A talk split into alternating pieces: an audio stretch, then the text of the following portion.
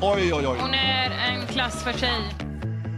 Charlotte Kalla tar Sverige till ett guld! Something better is always possible if you're willing to work for it and fight for it. Det kan vara ett mål som tar Sverige till EM-slutspelet. And we can be whatever we dream. Sliter. People see us for who we truly are. Jag började så inte tjejer fick spela fotboll. They too will be inspired. Helt plötsligt står jag här som förbundskapten för det svenska damlandslaget. 05, starta in! Vilken nagelbitare, vilket drama!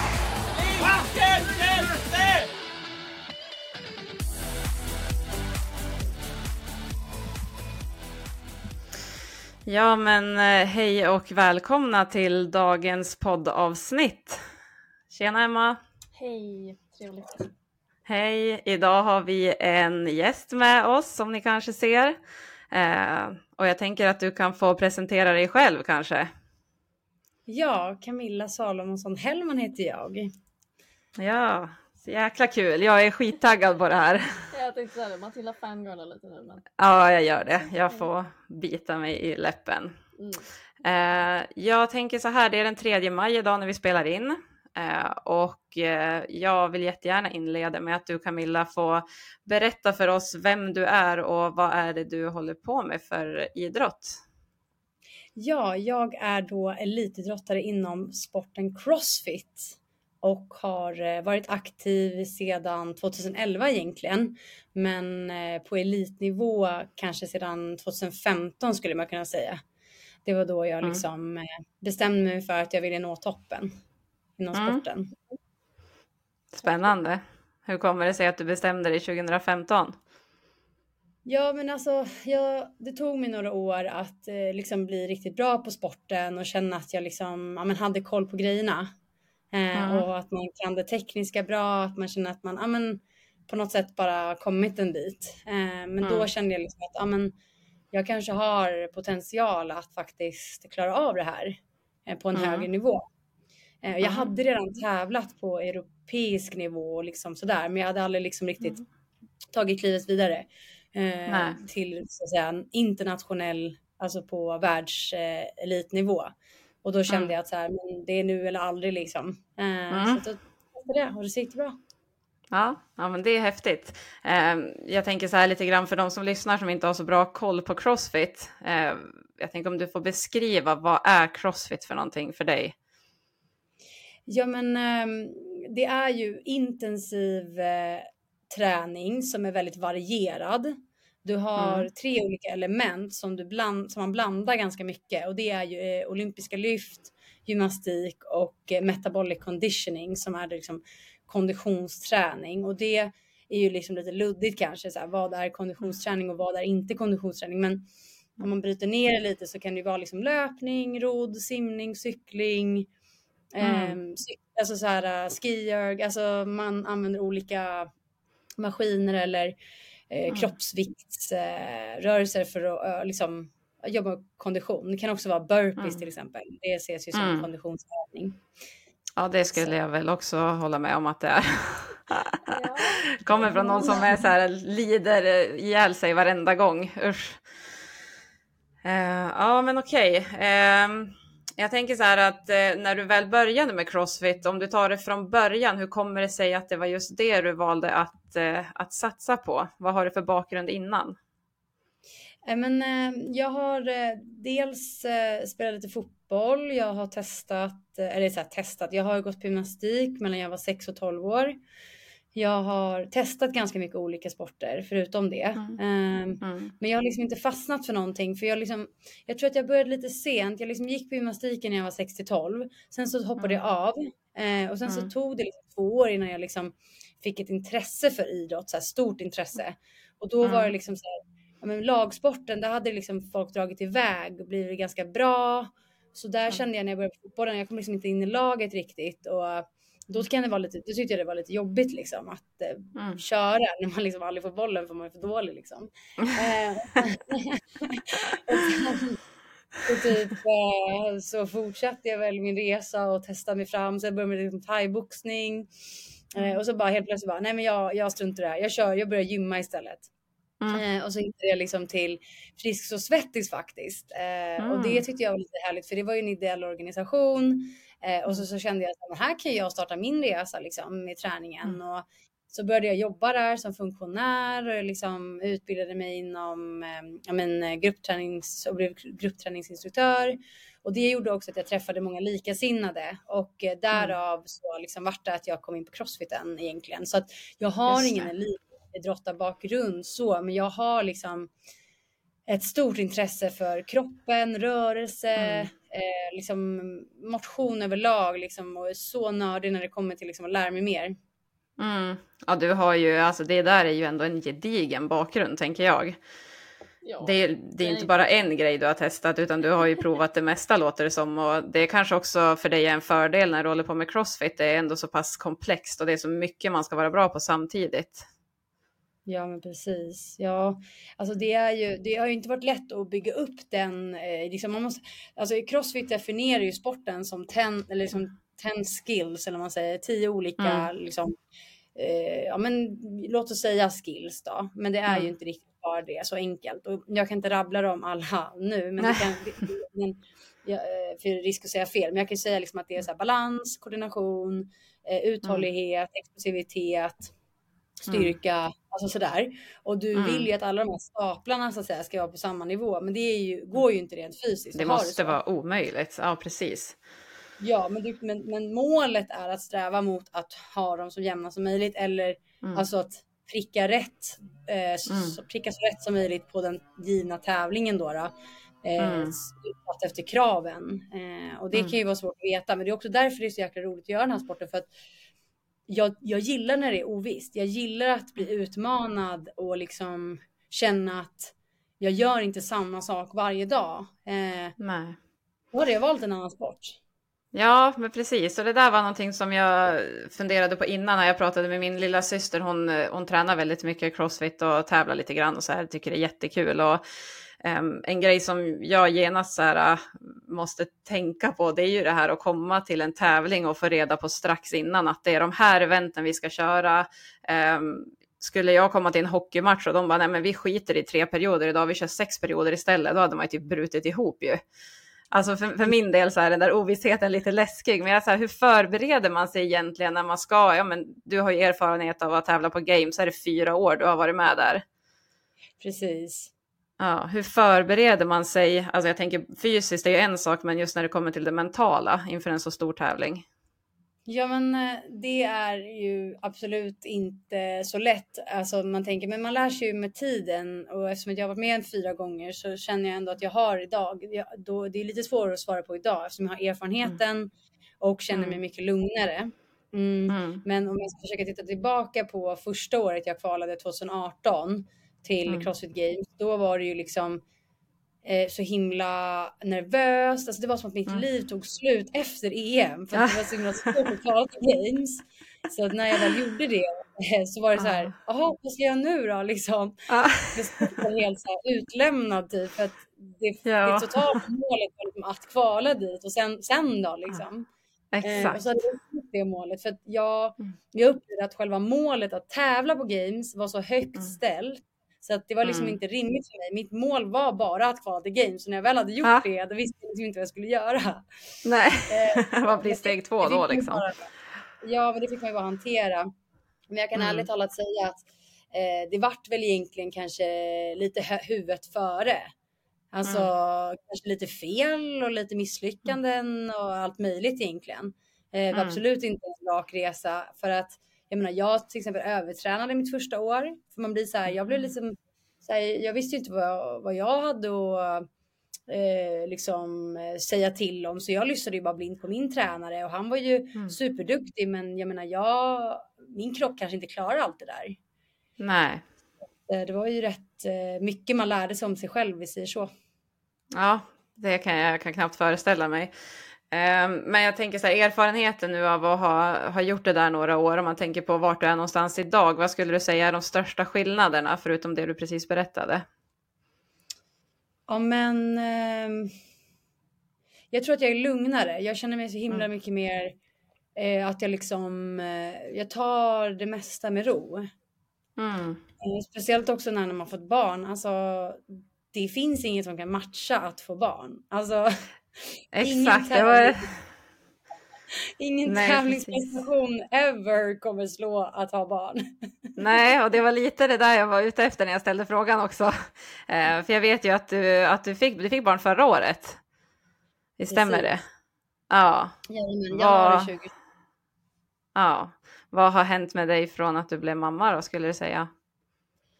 Ja, men första året var ju liksom en chock. Eh, Mm. För jag har aldrig varit en spädbarnsperson. Eh, så jag har Nej. liksom alltid kommit in i bilden när barnen är lite större. Så ja men ett och ett Mm. halvt, perfekt. Nu kan jag vara lek. Ja. lek.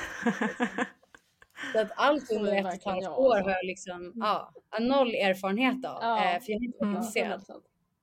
Eh, så att jag bara så här. Panik, vad gör jag? Nej, kräks hela tiden, hela tiden. Eh, ungen sover ingenting och jag är så här jättevan vid att sova och jag sover bra och jag sover mycket och jag liksom tar naps på dagen om jag behöver. Så, så egentligen kan man ju då tycka att men vadå, det är ju bara att anpassa dig då, då om du sover så bra. Men det var ju inte riktigt så, för det var ju mer att jag var i chock över att jag aldrig fick sova. Ja, Så- det är en kalldusch utan dess like. Jag fick också, jag fick barn för, ja, blir det, nio år sedan. Jag har en nioårig dotter och jag var fortfarande också aktiv och just det du beskriver nu, det där med med sömnbristen som kommer som ett slag i ansiktet och jag är precis också sådär gärna åtta timmar per natt och har varit skitnöjd, aldrig haft några problem med sömnen. Sen kom det en liten eh, krabat som bara, nej du din jävel, du ska lyssna Mm. på mig typ. Och den där, jag, Mm. jag vet inte om du kan känna igen dig i det där, men alltså att man kunde få som en nästan så här ångestkänsla inför kvällen när man skulle gå och lägga sig, för man visste att "Ja, men jag kommer inte få sova riktigt ändå. Ja men precis, alltså jag... Alltså jag, var, jag, jag hade det i början, men sen så kände Mm. jag så här, jag läste någonstans om att så här, ja men typ när kvinnan ammar sitt barn så har man frigörs oxytocin-hormonet Mm. mer utav det. Så att man Just. har naturligare att somna in, även om man blir väckt hela tiden. Ja. Så jag försökte typ bara så här, okej så här. Ah, så här, jag måste- alltså, för att inte stressa upp mig, för jag tror att hade jag inte gjort så så hade jag typ inte klarat av det. Så jag Nej. försökte, så- jag försökte typ så här, kroppen är gjord för det här, det är okej. Exakt. Alltså, ska vara så här, alltså bara för att lugna mig själv, typ någon slags så här meditationsteknik av något slag, jag vet inte. Ja, nej men det låter logiskt. Alltså, jag tycker det är som, som mamma också att jag känner igen mig mycket i det där och jag vet inte hur många gånger jag också intalar mig själv att så här, det är det här jag är gjord för. Så mitt syfte Mm. med att vara på jorden det är ju att vi, alltså fort, fortplantning, det är det, är det huvudsakliga syftet vi har. Eh, Ja. Och kroppen löser ju det mesta och om jag fattar det rätt så har vi också något extra skydd mot sömnbrist under liksom den första tiden efter vi har fått barn. Att vi ska få hantera det bättre liksom. Precis. Sjukt. Men eh, Camilla, en följdfråga på det då. När du, eh, eh, nu ska inte vi fråga allt för många så här personliga frågor här om graviditeten, men jag tänker om man planerar att eh, skaffa barn när man är elitidrottare, eh, tänkte du någon gång då att så här, eh, är det här lite slutet på min karriär? För det är ju många som blir eh, mammor och lägger av av den anledningen. Eller tänkte du liksom att det här är inga problem, vi kör på som vanligt? Vad, hur, hur Mm. tänkte du på det under graviditeten? Ja, men jag tänkte nog, alltså båda tankarna slog mig. Men jag tänkte att jag, jag vill fortsätta elitsatsa och om jag ska känna att jag inte liksom försämrar risken eller liksom chansen att få barn så vill jag ha barn nu. Och då känner jag så här. Och då, och, alltså så här, för jag, ja, väntar man för länge så kan det ju vara större risker att inte få. Men samtidigt Ja. kände jag liksom att jag vill inte vänta längre. Jag vill ha barn nu men jag vill fortsätta jobba med det jag gör. Mm. Och så kände jag här, då, då, får det bara, då får jag bara hitta ett sätt. Mm. Eh, för jag känner liksom att det behöver inte vara så definitivt och jag gillar liksom inte riktigt att så här, ja, men, eh, ge upp innan jag har testat saker. Jag, jag har varit Mm. så som person, liksom, alltså, det, är jag, det är den jag är. Eh, Mm. Och därför känner jag lite så här, varför ska jag, varför ska jag ge upp? Alltså, samtidigt så är det sen så här, ha, hade det inte funkat, alltså hade saker och ting inte löst sig, hade liksom, familjen mått dåligt nu, alltså det hade varit inget bra, då hade jag gett upp. Alltså då hade jag Mm. slutat satsa. Men jag tyckte Mm. det var dumt att ställa svaret på den frågan innan det hade hänt. Mm. Eh, så jag gav mig själv möjligheten att testa i alla fall. Eh, men Mm. jag förstår ju de kvinnor som, som inte elitsatsar när man har barn, för det är ju en, alltså, det är inte de bästa förutsättningarna liksom. Nej. Nej precis. Nej, men det är men- väl mycket det som händer med, det, alltså jag har inga barn så jag har ingen erfarenhet men eh, man hör ju bara att det är mycket som händer med kroppen och som ni säger med mentalt med sömn och allting. Det är mycket som påverkar. Det är inte bara att man får en till familjemedlem liksom. Precis, alltså, verkligen. Det är ju fysiskt också. Mm. Så är det ju. Nej, men sen är det ju, jag tänker så här, äh, det är också intressant vad som sker eh, fysiskt efter man har fått barn, just när det kommer till träna och träna väldigt mycket och hårt. Min egen upplevelse är att jag har nog aldrig känt mig så mottaglig för träning som jag gjorde första året efter jag fick min dotter. Eh, det var som att min kropp bara sög åt sig av allt jag gjorde. Och jag vet inte om det var en kombination av liksom att jag fick komma ut, att jag fick vara bara jag, det var ingen som hängde på mig, jag fick liksom egen tid och möjlighet att andas. Ehm, eller om det var bara att jag var i så pass dålig form efter min graviditet så att eh, naturligt så vart det liksom den här ah, utvecklingskurvan väldigt brant. Men jag är lite nyfiken på så här, har du upplevt några så här fysiska skillnader när det kommer till träning och hur du tar emot träning efter att du fick barn? Um, ja, men framförallt så tycker jag att min kropp, eh, alltså jag är mer medveten om min kropp nu för att när jag var gravid och förlöste, alltså kring den tiden så känns det som att kroppen, den gör sig själv påmind vare du vill eller inte. Alltså du har inget val än att så här, lyssna. Eh, för när man är gravid så är det ju liksom dels hela den här hanteringen av nio månader att bli större och större, att behöva lägga sig på sidan och sova, att behöva hantera en mage och inte liksom ta bort saker eh, successivt. Eh, så det, gör, det är ju liksom eh, verkligen så här tydligt att du måste ändra saker och sen fortsätta framåt liksom. Mm. Och sen så vid födelsedag, alltså födelsedagen om man säger då, Ja. då är det ju som att en skada uppstår. Alltså det blir ju som en skada som man vet ska ske. Och sen så Mm. då eh, börjar ju någon form av rehabilitering och då kände ju jag liksom att eh, allting har blivit mycket mer, alltså, eller jag har blivit mer medveten för jag vill ju Mm. inte göra någonting som kan göra att jag blir sämre. Jag vill ju göra Nej. saker som gör att jag blir bättre. Och då till Mm. exempel om jag känner att ja, men hela min hela min nedre region håller på alltså gungar som en hängmatta eller liksom som Ja. en putsmatta. Och jag typ går. Då kommer ju Ja. inte jag liksom göra massa tunga lyft eller hoppa högt eller långt eller liksom springa på ett tag.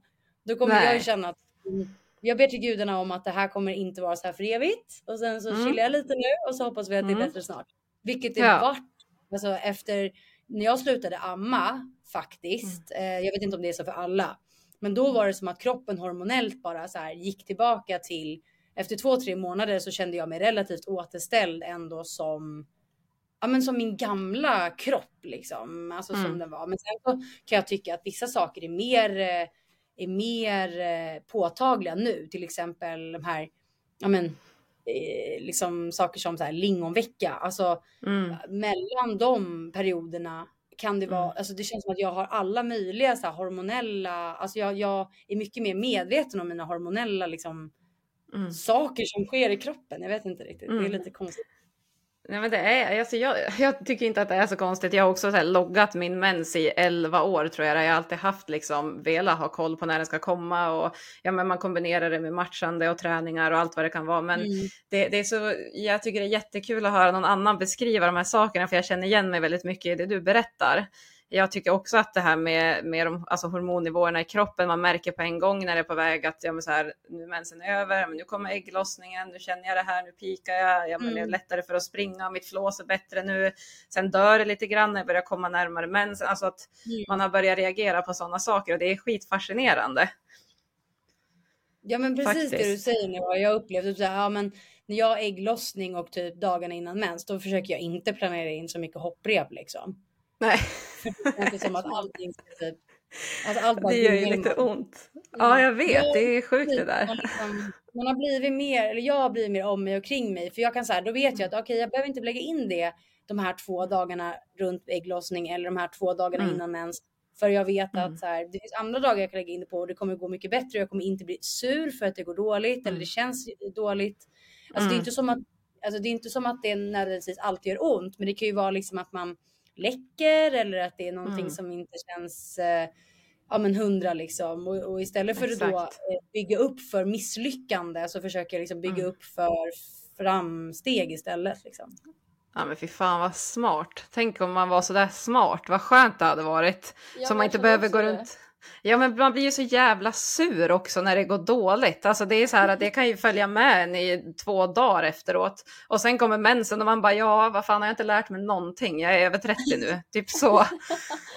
Ja men Ja, bara nu så här, äh, kring tävlingen. Jag har ju tävling om fyra veckor. Jag är så här, Mm. okej, kommer jag ha min mens under tävlingen? Alltså man tänker redan Ja. nu på det. Mm. Liksom. Och det är så här, Exakt. jag tror att folk förstår det. Folk, så det är därför jag tänker jag säger det för att det är ganska, ja men så här, el- som elitidrottare så är de här sakerna liksom, visst, det är inte avgörande, men det är en viktig del i det hela Mm. liksom, så man kan hantera det. Ja, men det är ju en sjukt viktig del och vi har ju haft det ämnet uppe när vi har diskuterat eh, ja, men mens och det här i podden tidigare och alltså jag personligen känner ju också det där att har man som jag då, nu kommer det detaljer här, alla får stå ut, men att man blöder väldigt mycket, har väldigt, väldigt ont, sväller Mm. upp, jag har jätteont i brösten, min koordinationsförmåga blir sämre, alltså det, det är sånt som jag har märkt av som hockeyspelare också. Eller det här, eh, ja, som Sabina sa, som man även upplevt att jag hoppade över sargen och där rök tampongen, eller jag fick Mm. en smäll och den åkte ut. Alltså det är ju fortfarande någonting som påverkar ens prestation. Mm. Så är, det kommer man inte ifrån. Och det tänker jag om du ska stå och köra double under som en jävla dåre och så bara skvätter det eller vad det nu kan vara, att det gör ont liksom. Mm. Så jävla kul är det ju inte. Nej. Nej men precis, men det, så. sånt, där, sånt där har ju blivit mycket mer påtagligt efter Mm. eh, graviditeten. Absolut. Mm. Alltså det där var ingenting jag, alltså jag hade ju lite läckage vissa, vissa situationer. Eh, Mm. Men jag menar min mens, jag brydde mig faktiskt inte så mycket om den. Nej. Eh, som jag gör nu. Och det är ju egentligen inget problem. Alltså det är ju bara egentligen bra. Men Mm. jag tror att det ändå är viktigt att dela för att det är liksom allt man pratar om som kan underlätta att så, ja, jag tänkte också tänkt på det, men det är ingen som pratar om det. Tänker Mm, jag kan vara bra. Precis.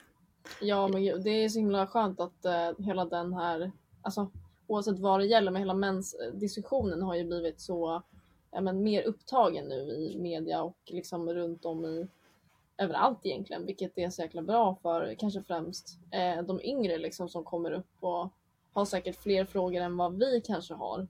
Eh, Så Mm. det är verkligen fint att se att det är så många som eh, träder fram om man ska säga så. Eh, som Mm. något förbjudet vi pratar om. Men det har ju varit så liksom förr i tiden. Precis, lite tabu. Mm.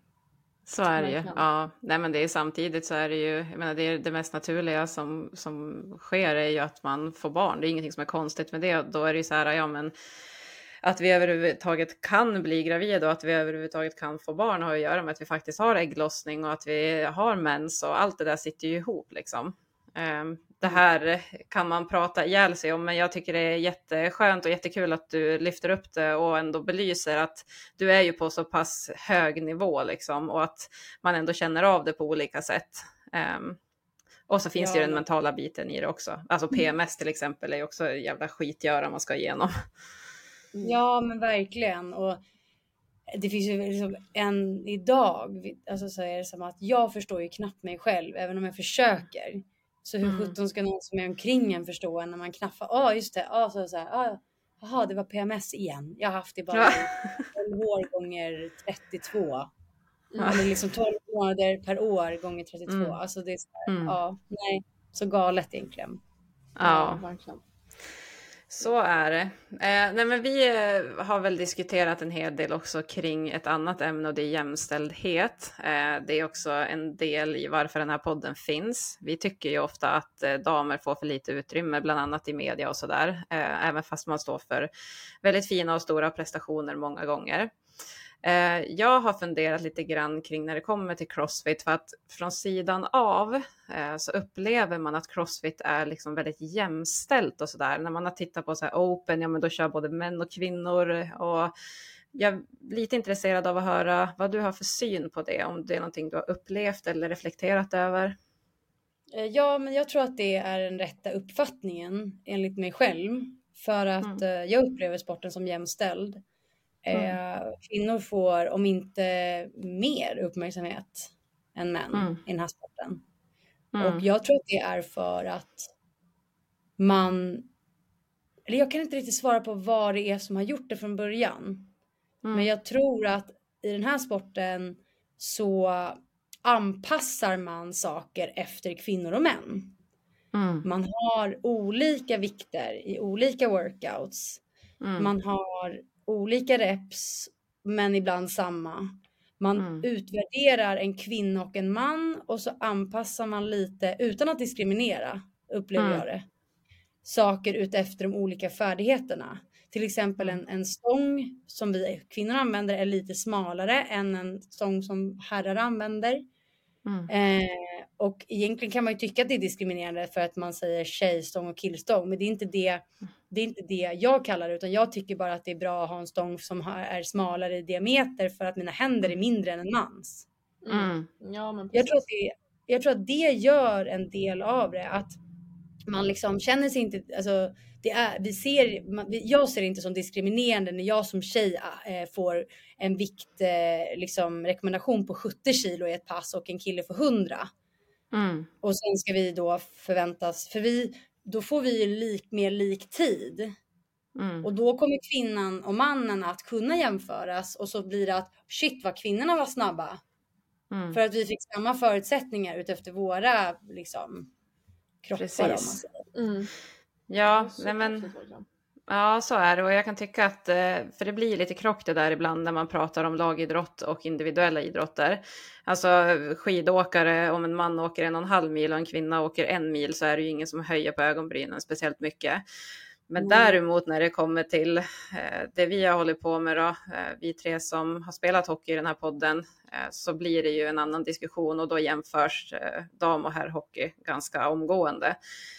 Och det är så fascinerande tycker jag, för man kan inte ta damhockey för vad det är alltid, utan det blir mer det här att ja, men det går långsammare än vad det gör för herrarna. Man bara ja, det är klart det går långsammare. Det, det är ju hur logiskt som helst. Mm. Ehm, så där är man alltid glad att höra att andra har hittat ett sätt att liksom hantera det här på som gör att ja, men alla som utövar har en förståelse, alla accepterar det och man inte känner sig diskriminerade. Ehm, så, och en annan fundering jag har kring det där är väl att crossfit, liksom, jag vet inte hur gammal den idrotten är eller hur länge man har, har hållit på egentligen. Har du koll på det Camilla? Ja, men jag tror att i USA så har det väl i alla fall sedan strax efter millennieskiftet eh, via internetsajter i alla fall vuxit Mm. fram. Men i Sverige tror jag det kom liksom typ 2007. Mm. Men i Men USA det är ju lite liksom en modern sport om man säger. Ja, absolut. att, eh, Om man absolut. jämför med ishockeyn som är eh, ja, hysteriskt Mm. gammal. Ja, Precis. Och det är där jag tror att fällan ligger också. Det är väl Mm. många som är överens om det att ja, men den är gjord för herrar av herrar för väldigt, väldigt länge sedan. Och vi gillar ju inte förändring oftast. Tyvärr. Nej, men jag, Ja, såg en, jag såg ett reportage om ishockeyns alltså, eh, historia. Eh, Mm. jag har släktingar som, som är, spelar ishockey. Eh, så vi har liksom ett stort intresse i vår familj. Eh, Och då liksom var det ju så här, um, fick man ju se liksom hur det började allting. Och det är ju liksom, vad är det, 100, är det 150 år sedan eller mer? Ja, säkert. Ja, det är jättelänge sedan. Det var ju, var det inte typ i England de började åka skridskor? Ja. Och, ja. Men jag bara så här, Jo. det är så häf- alltså, precis, och då var det ju bara män. Jag tror inte ens kvinnor var Mm. välkomna till som publik. Nej, det var inte alls. Det var ingenting för kvinnor det där. De tänkte väl att vi inte kunde hantera det förmodligen. Nej. Så. Otroligt. Ja, nej men eh, du nämnde det själv lite snabbt. Eh, vad som händer om fyra veckor. Vill du berätta lite mer om det kanske? Ja men precis, det är ju som en deltävling till Crossfit Games men också den sista, det sista steget. Så jag Mm. har ju befunnit mig i en liknande situation förut. Där Mm. man tränar mot att kvala till Games som är det absolut svåraste då. Eh, Mm. säsongen. Och då är det 60 kvinnor som har eh, tagits, liksom sållats ut då, då. Från först, alltså man tänker Europa, först var vi 40 000 som tävlade Mm. om eh, 4 000 platser. Och sen var vi Oh, 4 000 shit. som tävlade om 60 platser. Och nu är vi 60 stycken som tävlar om 11 platser. Alltså gallringen är ju alltså. helt störd.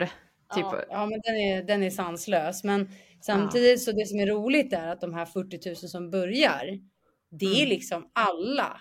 Alltså där kan Mm. liksom vem Mm. som helst ställa upp. Och det tycker Mm. jag är så inkluderande och roligt. Och det tycker jag är det som är charmigast med den här sporten. Att Mm. visst, det är klart att vissa kanske inte säger, ah, men jag kan inte jämföra mig med dig. Nej, fast i den här tävlingen i första steget så Mm. kan du det. Och du, och, Mm. så, här, och du behöver inte tävla mot mig, men Nej. vi kan tävla med varandra. Eller Ja. det är, okej, det funkar i den här sporten. Så det tycker jag är lite kul faktiskt. ja, men det är skitkul. modernt. Ja, men Ja. precis. Och det, det finns ju nackdelar med att den är modern. Det är ju att det finns saker som inte har testats av Mm. erfarenhet. Så det görs ju en del misstag. Alltså det kan vara saker som liksom inte alls är där det, man märker att beslutsvägen inte är speciellt lång och det finns liksom ingen så här byråkratisk eh, bra väg ibland. Mm. Men, men å andra sidan så det är också bra att vi testar eh, nya saker istället för att ja men man måste ju testa olika vägar liksom olika nya. Mm. Så jag tycker det är ganska bra på ett sätt. Men det är ju allmänt känt att Crossfit är ett företag och inte en eh, eh, vad heter det? Ett förbund. Mm. Mm. Och det är Just därför det. också nu är jag så glad över att det kommer framåt mer och mer inom functional fitness som eh, Mm. nu faktiskt också skickat in ansökan om att få vara med i Riksidrottsförbundet. Och jag Mm. hoppas verkligen att eh, vi kommer med i det i år för att Norge är ju redan med i det. Ja, Och det gör ju att det blir, det gör ju att det blir lite mer liksom, ja, men allmänt accepterat och kanske folk förstår mer vad det är. Eh, Mm. Så det har ju den eh, SM i functional fitness är ju om vad blir det då, sex veckor. Mm. Så det håller jag ju på också förbereda mig för. Så det blir mycket tävlingar här om några veckor. Ja, men kul ju. Ja, verkligen. Eh, men så nu då, från, nu är det ju tredje maj idag och en månad bort där ungefär. Hur ser ditt liv ut nu då, fram tills att det är dags att tävla? Ja, men just nu är det ju rätt hektiskt för att Mm. jag, jag jobbar måndag, tisdag, onsdag. Eh, Mm. Liksom, ja, tränar helt enkelt på dagarna. Mm. Och så har jag ju, i och med att sporten ser ut som den gör, så har jag inte något stöd från eh, idrottsförbund. Så därför måste jag ju liksom jobba med bolag och köra lite klasser och sådär för att gå runt. Så då mellan mina träningspass, förmiddag och eftermiddagspasset, så jobbar jag lite. Så det är liksom bara, allting bara går i ett till klockan Mm. är fyra, fem och då är det bara hem eh, och vara med min son och rasta min hund och laga mat och äta och sen så hoppas man att man får sova. Och Ja. sen så, så ser det ut måndag, tisdag, onsdag och sen torsdag, fredag är jag faktiskt föräldraledig fortfarande. Mm, Mm. vad skönt. Vi, för vi har valt att sätta vår, våran son på förskola i augusti för då är han ett och ett halvt. Mm. Eh, och då är jag med honom lite grann och sen så då har jag sån jäkla tur så jag har möjlighet att jag får hjälp på fredagarna när jag, för jag vilar alltid torsdagar. Så Mm. på fredagarna när jag tränar så får jag hjälp med eh, eh, kollegor i boxen där jag tränar Ja. att ta hand om min son. Så att jag Mm. kan träna och sen så då... Sådana som också är så här, ja ett och ett halvt. Ja men då, då kan jag ta Mm. hand. Ja, Ja. Exakt samma. Eh, och sen på lördagar då kör jag oftast bara ett pass. Eh, normalt sett kör jag två de andra dagarna för då är, känner jag liksom att ja, men, jag vill göra en kompromiss där i alla fall mellan familjelivet och elitidrottandet. Att jag liksom Mm. behöver inte spendera hela lördagen som jag kunde göra förut. Utan då blir det ett, ett, in och köra ett pass på morgonen och sen så resten av lördagen och söndagen är med familjen. Så att så ser det ut ungefär. Mm. Mm. Ja, du har det du gör. Verkligen. Ja, det finns Ja, att shit. göra. Ja, men vad, vad känner du att du har för förväntningar då? Eh, jo, men jag vill kvala till Cro- Crossfit Games eh, igen. Mm. Mm. Så att eh, mina förväntningar på mig själv är rätt höga. Mm. Men jag har också en så här. eh, Jag har liksom en helt annan inställning idag. Jag är lite mer så här. Ja, men jag njuter av den här resan eh, Mm. oavsett. Eh, och det jag vet inte om det kommer liksom.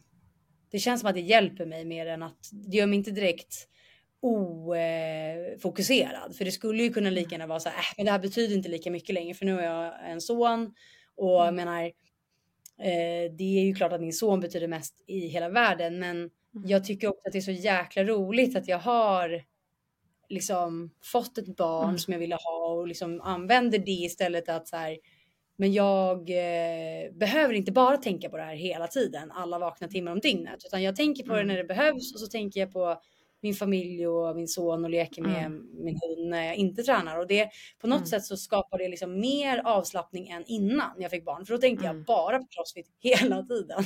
Mm. Ja men det är ju, det där är ett fenomen. Ja. Ja. Nej men det är också, eh, igen jag så här sitter och speglar det hela tiden, men det är så kul att höra dig berätta för att jag har väl haft samma liksom, känslor efter att eh, jag fick min dotter när jag kom tillbaka till hockeyn. Det var ett, när hon var ett och ett halvt eh, som jag började, Mm. alltså på riktigt och spela igen. Och det blir ju som att, ja men motgångar de kommer ju oavsett om man har barn eller inte, men motgångar kan ju också hanteras lite annorlunda om man faktiskt har någonting större där hemma. Lite så. Och sen att bara så här äh, gå ut på isen och jag bara tittar upp och ser henne där eller att hon när hon blev större kunde komma ner till plexiglaset och liksom man kunde göra en high five eller att ja, men så här, heja mamma. Så det där gör ju att man, så här, man får ännu mer bränsle. Om jag får lite rysningar nu liksom. Ja men det är Jag ju att jag fint. blir så här, åh, alltså den känslan liksom. Ja, ja, men det är ibland det största man får uppleva. Där man så här, men alla meriter i världen, det är så här okej då. Men när man har, får, får vara med om det där så det klättrar ju ganska snabbt upp på, på första plats. Ja, men det känns som att man får uppleva någonting, alltså även om jag verkligen liksom tycker att det är jättetråkigt om man inte lyckas elitsatsa igen efter man har fått Mm. barn på grund av fysiska liksom, Mm. eh, besvär eller någonting. Alltså det, Mm. Det känner jag verkligen för. Men om man har möjligheten att göra det Mm. så känner jag verkligen att det ger, som du säger, det ger verkligen så mycket. Alltså jag tycker verkligen Mm. att fler ska testa i alla fall. Alltså för att om man tittar på antalet män som elitsatsar med barn så är det ju väldigt många. Så är det. Eh, Det går ju. Ja, och det är egentligen, alltså det enda, eller det enda, det är också det stora, men det som Mm. skiljer män och kvinnor är ju att kvinnor bär på barnet och behöver Mm. göra den här leveransen så att säga. Ja exakt, man behöver vara storken. Eh, så att, men e- egentligen Mm. så om man tittar förut, men de här, om man bortser från de här sociala konstruktionerna, Mm. alltså kring, så finns det inget annat som hindrar oss. Alltså egentligen. Nej. Så jag, tycker det, jag, jag ser ju många kvinnor i crossfit som har inspirerat mig. Mm. Där är det liksom Mm. många som har tagit sig tillbaka efter barn och Mm. liksom visat att man, man har där att göra igen. Eh, och det är häftigt. Exakt. Ja, ja, men det känns som att det blir mer och mer det där också. Jag, när jag fick Vilma, så, alltså min dotter, då var jag ju ganska ung. Jag var ju bara 22 år gammal, så jag var ju typ först ut. Och sen att man kom tillbaka, då var jag ju, ja, men ett tag var jag ensam mamma i högsta ligan i, i svensk hockey. Liksom. Eh, men nu börjar det sen trilla in den ena efter den andra och folk fortsätter. Och det är väldigt positivt att se det, för precis som du sa nu, det, jag kan inte hålla med mer än vad jag faktiskt gör, men att män kommer tillbaka på högsta nivå, det är så självklart, för de behöver aldrig göra det där avbrottet heller, så det blir aldrig någon som ifrågasätter det. Och så har vi den här äh, normstrukturen som vi lever i, att mammarollen, den är så stor, mamma ska vara hemma, man ska vara ledig, det ska bara vara barnet. Och man måste ju också någonstans behålla sin egen person i allt det här och också visa Mm. sina barn att titta vad mamma gjorde. Mm. Så är det ju. Ja. Men jag håller med. Mm. Verkligen. Viktigt att ta upp. Så är det. Mm. Det är nästan så att jag blir lite sugen nu. Jag får ringa min kille. Du bara hem och, kom hem och fixa det här nu. Rätt musiken? Put a baby in me. Nej. Mm. Nej. Ja, men eh, fan vad kul. Vad säger du Mm. Emma? ja, åh gud. Jag säger så mycket så jag sätter halsen. Nej men eh, jag, alltså, jag, när du började där som du berättade på Friskis och Svettis. Eh, var det, hade du kunnat tänka dig då att du skulle sitta här som liksom, elitidrottare? Nej, aldrig. Aldrig i livet. Alltså, det var, alltså jag har ju liksom, jag gillar att jobba hårt. Alltså jag älskar att utmana mig själv. Jag älskar numera att typ hitta vägarna för att liksom uppnå någonting. Och egentligen som person så är jag inte speciellt, alltså ska jag säga uppmärksamhetssökande eller i alla fall inte längre. Jag kanske har varit mer när jag var yngre. Men Mm. nu är jag så här, jag vill bara göra de här grejerna. Jag vill bara bli bättre på det här och jag vill prestera det här och jag vill testa de här kombinationerna och hur Mm. känns det här? Alltså, jag liksom, det känns som att efter också barn så har jag fått en helt annan passion till den här sporten igen. För att jag Mm. gjorde det inte på typ ett och ett halvt år på grund av att Mm. jag liksom I grew, I grew human in my body liksom. Men, eh, men eh, nu när jag liksom inte har gjort det på liksom länge och det är som att jag också så här, ja men eftersom jag blivit ännu mer intresserad av kvinnokroppen så eh, och så förstår att så här, ja men jag har ju lyckats liksom bränna ut mig fysiskt där 2018 eh, Mm. för att det vart för mycket träning och eh, lärt mig massor om att så här, ja men man behöver inte träna så där hårt för att nå samma resultat. Man kan Mm. träna smartare och nå samma eller bättre resultat.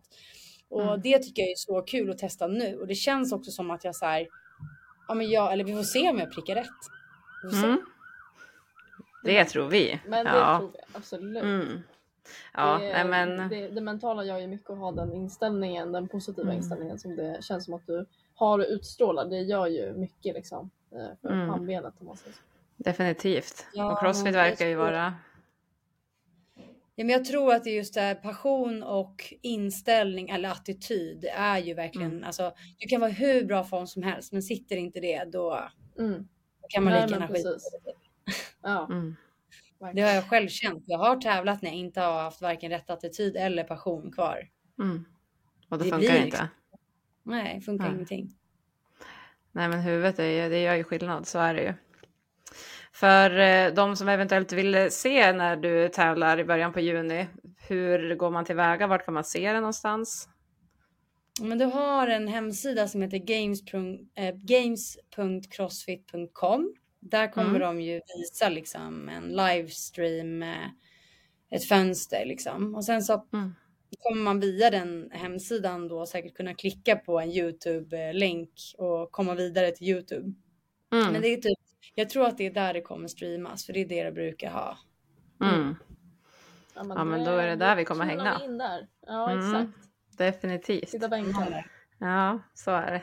Ja, nej, men det är jättekul att höra dig berätta. Jag har faktiskt börjat köra lite så här amatör-crossfit och tycker det är jätteroligt. Och det är så kul när du beskriver liksom hela, hela grejen, att vem som helst kan göra det. Man kan göra det på sitt eget sätt. När vi kör tillsammans, alltså om man kör pass eller om man kör team eller med min syrra som är tusen gånger bättre än vad jag är, så kan vi fortfarande göra det tillsammans ju. Och det är ju askul. Det är ju svårt Ja, att lira hockey med någon som aldrig stått på skridskorna till exempel. Men precis, det är det som är skillnaden här. Det blir lite mer lättillgängligt. Men kör du, Mm. vilken stad, liksom kör du crossfitbox eller? Eh, ja, men vi är på, jag är på boxen Big Smile här i Härnösand. Ja, jag bor ju här uppe. Jag Mm. var i den för några månader sedan bara. Jaha, ja, du får komma och hälsa var på igen. Ja, ja, men det var så kul bara för det, den är inte så här superkänd ändå liksom. Men jag var Nej. uppe på nyår och tränade där så det var jättekul att du Aha. sa just det. Ja, Ehm, Ja, men jag eh, bra. En uh, meet and greet så fler också får hänga med Ja. Camilla och även Matilda. Ja, precis. Vad roligt. Men jag menar, hockeyn, alltså kommer man från hockeyn så brukar man ha ganska bra eh, crossfit eh, förutsättningar. För att vi har en kille också i boxen nu eh, som är eh, 16 år gammal som har spelat hockey i, Mm. på hög nivå här under sina ungdomsår liksom. Och nu alltså Mm. han bara kommer in på crossfiten och har jättemycket bra gratis. Mm. Ja, men det är ju mycket. Ja, så jag tänker det. Hockey behöver man också vara bra på väldigt många olika saker. Både orka länge, vara explosiv och stark och eh, sen kommer allt det här med koordination. Men det märker man väl när man har börjat köra och ju mer man kör att det, det påminner ju mycket om det vi har gjort tidigare och under fysträning så har vi haft väldigt mycket senaste åren i alla fall, alltså crossfit-inslag också. Ehm, så att det känns som att det går väl lite hand i hand i alla fall. Men jag hade faktiskt eh, under 2015 innan jag liksom la allt, egentligen allt annat arbete åt sidan. Mm. Så eh, tränade jag ett hockeylag och körde Mm. crossfit-träning åt Mm. dem. Eh, och, ja, så att eh, de bad om det. Mm. Vilket lag var Så- det då? Det var AIK här i eh, Ja, det Solna. var det. Ja, det är rykten vi har hört innan. Ja, men jag har också hört det någonstans och jag säger gud jag vet inte vart jag har hört det här någonstans. Men då stämmer Ja. det alltså. Gud vad, vad roligt. Så jag tränade dem under försäsongen 2015.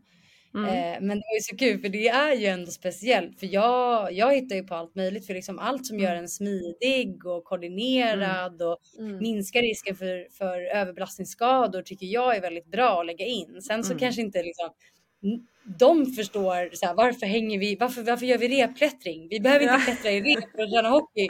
Jag bara nej men ni vill vara smidiga och ni vill inte överbelasta Ja. era knän för ni vill inte bara springa så nu måste vi klättra i rep. Ja exakt, ja, det är så jävla smart ju. För det är ju väldigt allsidigt. ja, det är bara att köra och hålla käften säger du. Nej då.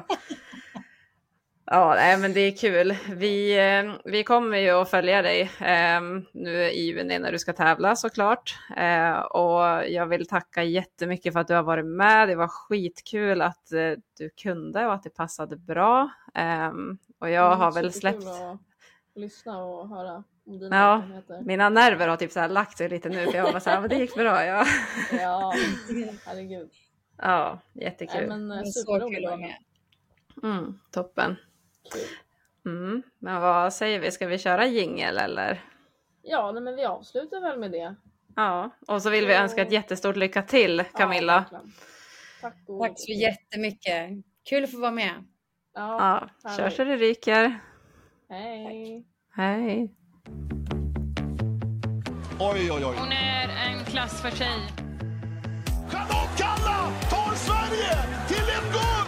Something better is always possible if you're willing to work for it and fight for it. Det här kan vara ett mål som tar Sverige till EM-slutspelet. And we can be whatever we dream. Fan vad bra! Hon sliter, hon sliter. People see us for who we truly are. Jag började så inte tjejer fick spela fotboll. They too will be inspired. Helt plötsligt står jag här som förbundskapten för det svenska damlandslaget. 05, stopp. Vilken nagelbitare, vilket drama! Basket! Dead! Dead!